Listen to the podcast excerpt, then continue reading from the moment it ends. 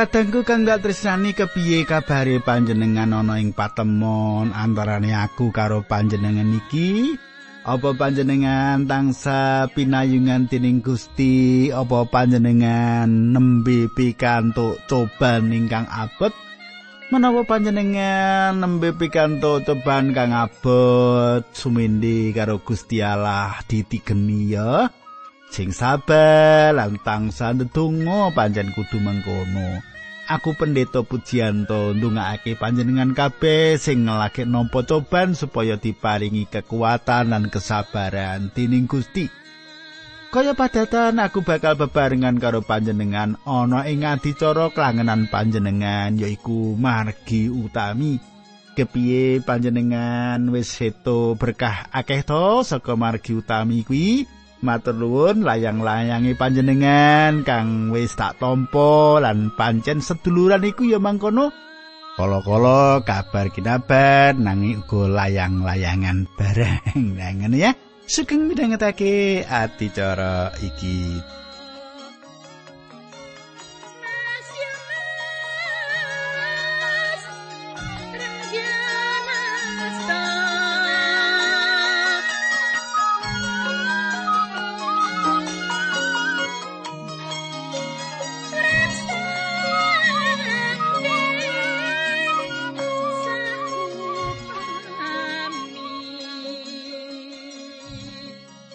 Para pamirsa sadurunge tak terusake, aku bakal ngaturake salam taklimku marang Bapak Sudiono. Kepripun Pak Sudiono?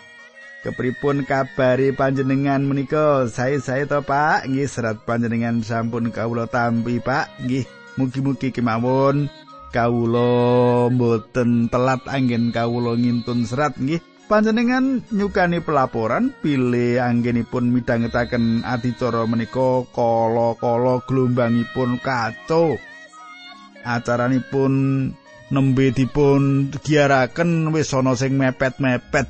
Aduh nggih kita dengaken nggih Pak. Supados menapa menika gelombang ingkang panjenengan pirengaken menika saged lancar nggih makaten nggih saged dipidhangetaken ora kepepet karo liya-liyane. Nah, kadangku saiki kita nyemak apa sing dingendikake kitab suci nerusake apa sing wis tak aturake kepungkur. Kepungkur kita wis deleng kaya apa kesanggupane Petrus sing dadi banten. Petrus sanggup dadi banten. Mati kagem Gusti ngono ya. Nanging pungkasane apa sing diucapake ora sumbut karo kasunyatanane. Ora sumbut. Simon Petrus nyelaki Gusti Yesus. Monggo kita ndedonga bebarengan sadurunge nyemak lelakon lelakon sak banjuri. Duh Kanjeng Rama ing swarga kawula manembah patuko ngaturaken kuing panuwun dene kawula saged tetunggilan kalian sedherek-sedherek kawula ingkang setya midhangetaken adicara menika. Kawula ndongaaken Pak Sudiono Gusti Yesus ingkang nangkep adicara menika kala-kala kepepet kalian gelombang sanes. Kalau nyuwun supados Gusti mitulungi supados radio kesayangan kawula menika saged ngiyaraken Injiling Pangeran boten keganggu kalian menapa kemawon. Kanthi mekaten laladan ning Pak Sudiono panggeni saged nangkep kanthi cetha lan Injil paduka kagiyaraken dumateng sinten kemawon. Linambaran asmanipun Gusti Yesus Kristus kawula ndedonga haleluya. Amin.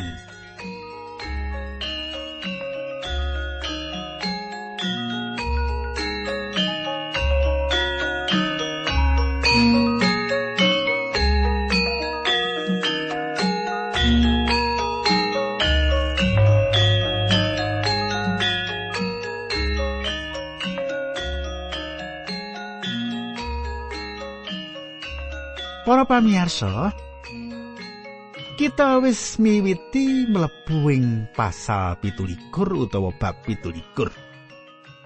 Kadangku, ayo padha kita telesih isine. Kita taliti isine. Aku macake nggo basa perdinan, ya.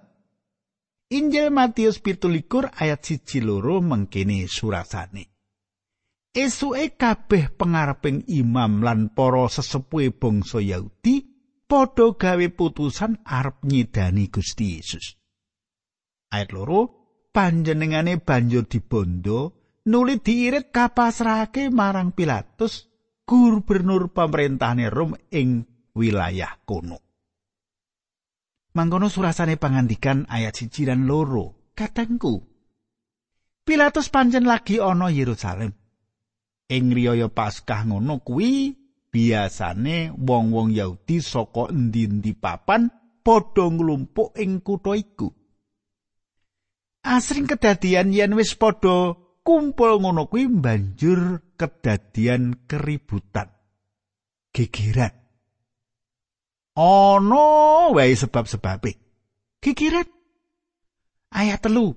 Coba panjenengan gatekake. Nalika Yudas sing ngulungake Gusti Yesus ngerti yen panjenengane bakal dihukum pati. Dheweke keduwung banjur mbalekake duwite 30 sekel saloko marang para pangareping imam lan para sesepuhe bangsa Yahudi. Kadangku nalika iku uga Gusti Yesus wis ana Yerusalem nalika Yudas Iskariot ketemu karo para imam lan tetuane adat lan agama. Kenapa Yudas kok ora marek marang Gusti Yesus banjur nyuwun pangapura malah teka nemoni para imam lan tetuwaning agama?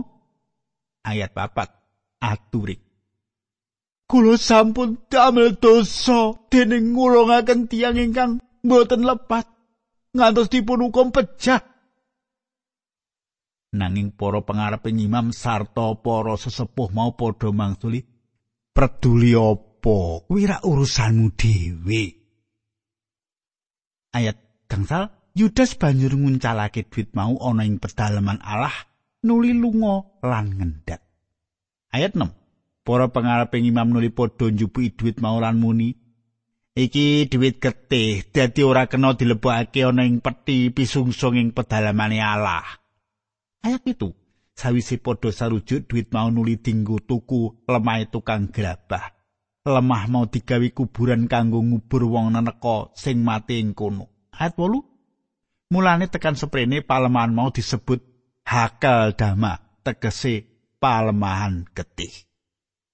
Sumitraku kang dak tresnane Yudas enggal ninggalake panggonan kono nuli ngendat. Nuli gantung dene para imam orang lebake dhuwit sing dibalekake dening Yudas menyang ing bait suci sebab duit mau duit getih rai Gusti Yesus bab pitulikur ayat songo nganti sewelas mengkini surasani. Serono mangkono kelakon temenan opo sing dingendikake dening Nabi Yeremia mengkini padha nampani duit telung puluh sekel saloko ya kuwi regane wong siji sing disarujui dening bangsa Israel. Duit mau nuli dinggo tuku palaman kundi kaya sing didhawuhake dening pangeran marang aku Gusti Yesus banjur diperiksa dening Pilatus, gubernur ing negara kono. Pilatus ndangu, "Apa kowe ratune wong Yahudi?" Inggih, laras. Kadangku, para imam arep nyingkirake Gusti Yesus jalaran dianggep ngino, dianggep ngremehake asmane Allah. Nalika para imam nyuwun marang Gusti Yesus kanthi sumpah, "Apa pancen panjenengane bener yen Kristus putrane Allah?" Gusti Yesus maringi jawaban yen pancen bener. Nuli Gusti Yesus nglajengake jawabani, wiwit dina iki kowe bakal bisa ndeleng putrane manungsa lenggah ing sisih tengene Allah sing maha kuwasa lan bakal rawuh tumurun nitih mega-mega saka ing langit. Kanggone para imam, jawabane Gusti Yesus mau wis dianggep cukup kanggo nibake paukuman kanthi dibenturi watu nganti mati. Nanging pemerintahan Romawi ora menehi idin yen para imam wong Yahudi nibakake paukuman kaya ngono kuwi. Mula banjur ngiring Gusti Yesus ing ngarepe Pilatus lan kanthi pandhakwa sing cocok karo lakune hukum ing kalangane wong Romawi.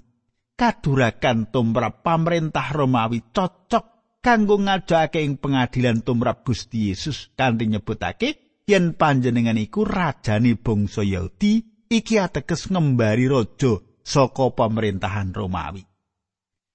Matius 17 ayat 13 nganti 14 mengkini surasane. Nanging bareng para pengareping imam lan para sesepuhe bangsa Yahudi padha ngajokake pandhakwa-pandhakwa marang Gusti Yesus, panjenengane ora kersa mangsuli babar pisan. Mulane Pilatus ngendika marang Gusti Yesus, "Apa kowe ora nggatekake gugatan-gugatan sing diajakake marang kowe kuwi?" Ayat 14 nanging Gusti Yesus ora nanggapi pitakone gubernur mau nganti gubernur gumun banget. Kadangku, para imam pemimpin agama padha nindakake pandhawa palsu marang Sang Kristus. Lan Gusti Yesus ora kewan anggone arep paring jawab. Ayat 15 nganti 16. Wis dadi padatan ing wektu semono saben dina Paskah gubernur ngluwari wong hukuman siji sing disuwun dening wong akeh. Nalika semono ana wong hukuman sing dikunjara jenenge Yesus Barabas. Kadangku mula. Munggu ing Pilatus para imam sak kanca-kancane ora duweni dasar sing maton kanggo nibake paukuman pati marang Gusti Yesus. Uga Gusti Yesus ora ana tembung sak kecap bae sing nelakake yen mbrontak marang pemerintahan Romawi. Pilatus mangu-mangu atine kepengin nyenengake atine para imam supaya ora kedadian keributan. nanging bukti-bukti sing ora ana ora cukup kanggo nibake hukuman pati marang Gusti Yesus. Mula Pilatus banjur menehi tetimbangan marang para imam. Ayat pitulas lan wolulas. Bareng wong sing padha nglumpuk wis akeh, Gubernur Pilatus tuli ngendika marang wong akeh mau. Sopo sing kok suwun luar? Yesus Barabas sapa Yesus sing katelah Kristus? Ayat 18. nggone ngendika mengkono mau awit Pilatus mirsa yen wong Yahudi nggone masrahake Gusti Yesus kuwi merga saka drengkining atine. Kadangku pancen cukup cetha bedane antarane Gusti Yesus lan Barnabas.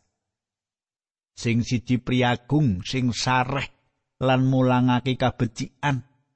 Sing siji bajingan gedhe Brahma corah. Pilatus yakin yen Barabas sing bakal disalib lan Gusti Yesus bakal uwal saka paukuman. Ngono pikirane Pilatus. Saiki ayat 19. Nalika Pilatus lagi lenggah ing kursi pengadilan garwane ngutus supaya matur marang Pilatus mengkini. Panjenengan sampun tumut-tumut ing perkawisipun tiang mursid menika awit kala wau dalu kula sumpena sarta kraos sedih sanget margi panjenenganipun. Mengkono surasane ayat 19. Katangku sisiane Pilatus sajake wong sing seneng takayul. Nalika iku dheweke nitipake pesen marang Pilatus supaya aja nganti mula sara wong sing bener iku maksude Gusti Yesus. Jalaran apa? Jalaran ing alam pangimpen dheweke krasa banget susah atine emane dhewe ora nalisik bab benere Gusti Yesus kanthi mengkono luput saka pandak wolan paukuman. ayat 30 nganti 22. Mengkene surasane pangandikan. Nanging para pengarep imam lan para sesepe bangsa Yahudi terus padha ngojo-ojo wong akeh kang ana ing kono supaya nyuwun marang Pilatus ngluwari Barabas lan nyedani Gusti Yesus. Pilatus banjur ndangu meneh marang wong akeh mau, wong loro kuwi sing endi sing kok karepake ndak luwari? Wong akeh nuli padha mangsuli Barabas. Pilatus banjur ndangu meneh yen mengkono banjur Yesus sing disebut Kristus kuwi karepmu ndak kapake. Wong akeh mau saur manuk aturi, "Dipun salebaken kemawon." Kadangku kang ndak tresnani.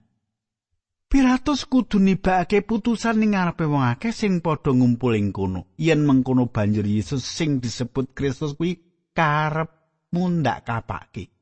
jawabane wong akeh mau kasalib bae kasalib bae ayat 23 pandangune Pilatus meneh nanging apa kelupatane wong iki? Wong akeh mau malah saya seru pambunge kasalipo! Ayat 24 Pilatus pirsa yen pambudidaya sak teruse wis ora ana gunane. Malah bisa njalari kaanane saya tambah kisruh. Mulane banjur mundut banyu nuli wiji asta ana ngarepe wong akeh sarta ngendika, "Aku ora tanggung jawab tumrap getih wong iki kuwi urusanmu dhewe.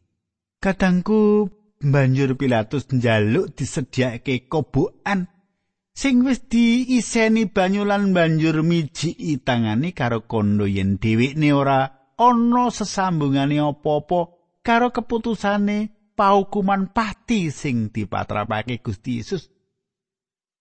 Iki ora gampang. Jalaran ing pengakuan Imam Rasuli diunekake sedo kasalib ing jaman pemerintahanipun Pontius Pilatus. Rai Gusti Yesus terus bakal nempel ing tangani senadyan wis diwisui kaya apa resike ayat selawi nganti 16 Matius 17 Wong akeh mau nuli mangsuli bebarengan inggih kersanipun kula lan anak-anak kula ingkang nyanyi paukumanipun. Pilatus nuruti karepe wong akeh Barabas diluwari lan dawuh supaya Gusti Yesus disiksa sak banjuri dipasrahake supaya disalib. Kadangku Pilatus rilo ngasorake badani dewi nganti asor mengkono. Dheweke kudu gawe putusan lan putusane mesti wae nampik merdekake Gusti Yesus. Senajan Pilatus wis lilo andhap asor ing ngarepe wong akeh. Lan pancen keputusan ing gambarake ora sarujuk yen Gusti Yesus dibebasake. Ayat 17, 18, 19, 30 mengkene surasane. Para prajurit Pilatus banjur ngirit Gusti Yesus mlebu gedung gubernuran nuli padha nglumpuk saubenge Gusti Yesus. Ayat 21 jubah agemane Gusti Yesus dijupuk diganti jubah wungu. Ayat 29 prajurit-prajurit mau nuli gawe pakutha saka caranging wit-witan sing ana erine. Makutha mau nuli diagemake ing mestakane Gusti Yesus. Para prajurit mau nuli njupuk teken dicepengake ngastane Gusti Yesus sing tengen.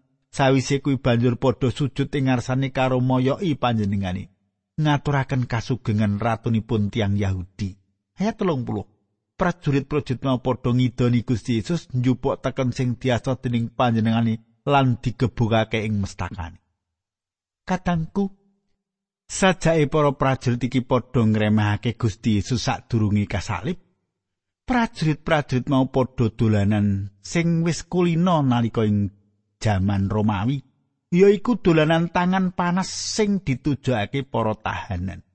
Para prajurit mau padha ngegemake tangan kaya dene pengancam ing ngarepe tahanan mau.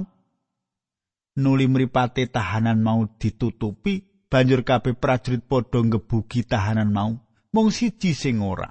Sawise iku tutup mripate kahanan mau dibuka lan dikongkon mbedhek sapa sing ora melu ngebuk. mesti wae tanan mau ora ngerti sapa sing ora melu gebuk lan tangan panas diterusake kala-kala tahanan utawa pesakitan mau nganti babak belur. Rojah race ayat 31 sawisi rampung nggone nyenyamah jubah wungu sing diagemake Gusti Yesus disalini agemane piyambak meneh banjur diirit metu arep disalib. Ayat 32 ana ing dalan sing metu saka kutha para prajurit sing ngirit Gusti Yesus mau kepethuk wong sing jenenge Simon asale saka Kirine Simon mau dipeksa dening para prajurit manggul salipe Gusti Yesus kadangku Gusti kita Yesus Kristus nandang kasangsaran lan kewirangan jalaran pakartine para wong sing ewa lan sengit marang panjenengani kejem lan nacepake kesedihan sing ora kinira Mbok menawa kita duweni penganggep yen Gusti Yesus ringkeh lan sekeng nalika nampa pahukuman salib iki. Ayat telung puluh telu, telung puluh papat. Mengkini surasane Matius pitulikur. Lakune banjur tekan panggonan sing aran Golgota sing tegese panggonan cumplung. Ing kono Gusti Yesus dicaosi unjukan nganggur sing dicampuri rempelu sawise dikedapi. Gusti Yesus ora kersa ngunjuk. Kadangku iki ngganepi unine Jabur swidak songo ayat rolikur mengkene surasane malah kawula dipun sukani racun lan nalika kawula kasatan dipun ombeni cokak. Saiki Matius 17 ayat 35 nganti patang puluh mengkene surasane. Gusti Yesus nuli disalib agemane didum-dum nganggo dilotre. Para prajurit nuli padha linggih ana ing kono njaga Gusti Yesus. Ing sadhuwuring mestakane dipasangi tulisan sing nerangake pandakwa tumrap panjenengane. Unine iki Yesus wong Nazaret, ratune wong Yahudi. Nalika semono ana begal loro sing disalib bebarengan karo Gusti Yesus sing siji ana sisih tengene, sijine ana sisih kiwane. Wong-wong sing padha liwat ing kono padha gedhe-gedhe sarta moyo Gusti Yesus. Ayat patang puluh padha muni mengkini. Kowe sing arep mbubrah pedalamane Allah lan bangun meneh sakjroning telung dina. Yen kowe nyata putrane Allah, coba luwarana awakmu dhewe mudhuna saka salib. Kadangku, wong-wong mau padha ora ngerti yen panjenengan iku Allah lan ora bakal kersa medhak saka kayu salib.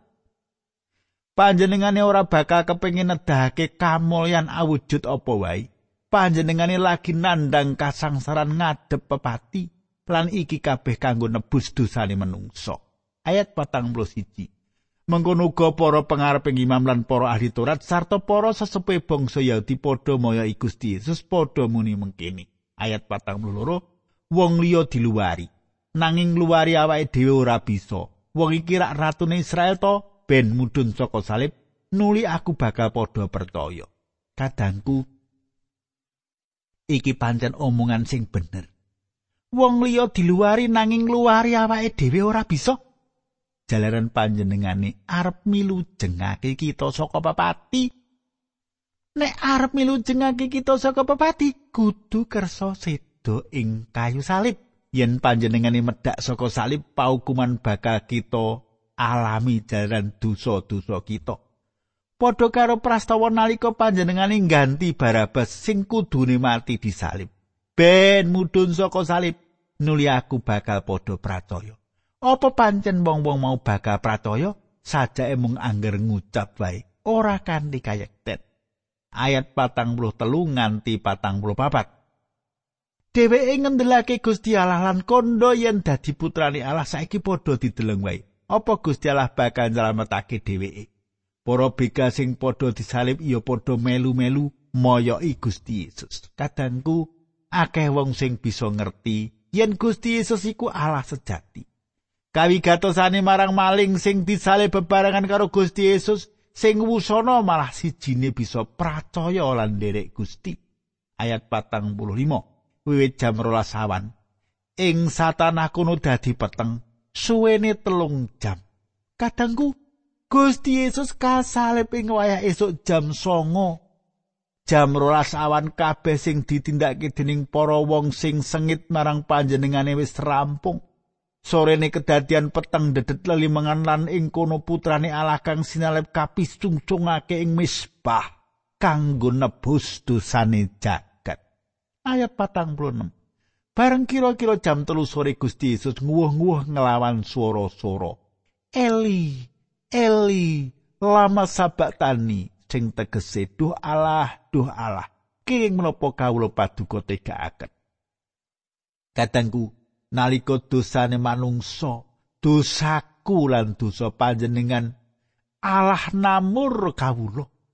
Ngenteni kahanan kita sing dosa. kanggo nampa paukuman krana kita juru wilujeng kita disedani ing kayu salib kanggo kita ayat patang puluh pitu wong sawetara wong padha ngadeg ana ing kono padha krungu pangandikane Gusti Yesus manuli padha muni wong kuwi ngundang Elia ayat patang puluh wolu ana wong siji sing enggal-enggal njupuk kembang karang lan dicelopake ana ing nganggur kecut kembang karang mau digawekake garan saka gelagah nuli dicaosake Gusti Yesus supaya dicecep. Ayat patang songo nanging wong-wong liyane padha muni mengko dhisik coba dinteni apa Elia teko temenan ngluwari dheweke. Ayat 50. Gusti Yesus banjur nguwuh meneh kelawan swara-swara nuli sedo. Kadangku nrenyuhake banget. Nrenyuhake banget panjenengane sedo kanthi masrake gesange nuli pet cat nyawan. Kadangku semene dhisik aturku yen ana panyaruwi lan pitakonan-pitakonan aja isan-isin ndak aturi langsung sesambungan karo aku kabeh. Monggo kita ndedonga. Kanjeng Rama swarga kawula ngaturaken kenging panuwun menawi wekdal menika kawula saged sinau ngekilut lelampahan ingkang dumados. Bilih Gusti Yesus menika sedo kangge panebusing dosa kawula sami matur nuwun Gusti bilih wonten priyantun suci ingkang rila legawa nebus kawula. Mang wantu-wantu kawula ngaturaken ing panuwun dumateng paduka linambaran asmanipun Gusti Yesus Kristus. Kawula netunggal. Haleluya. Amin.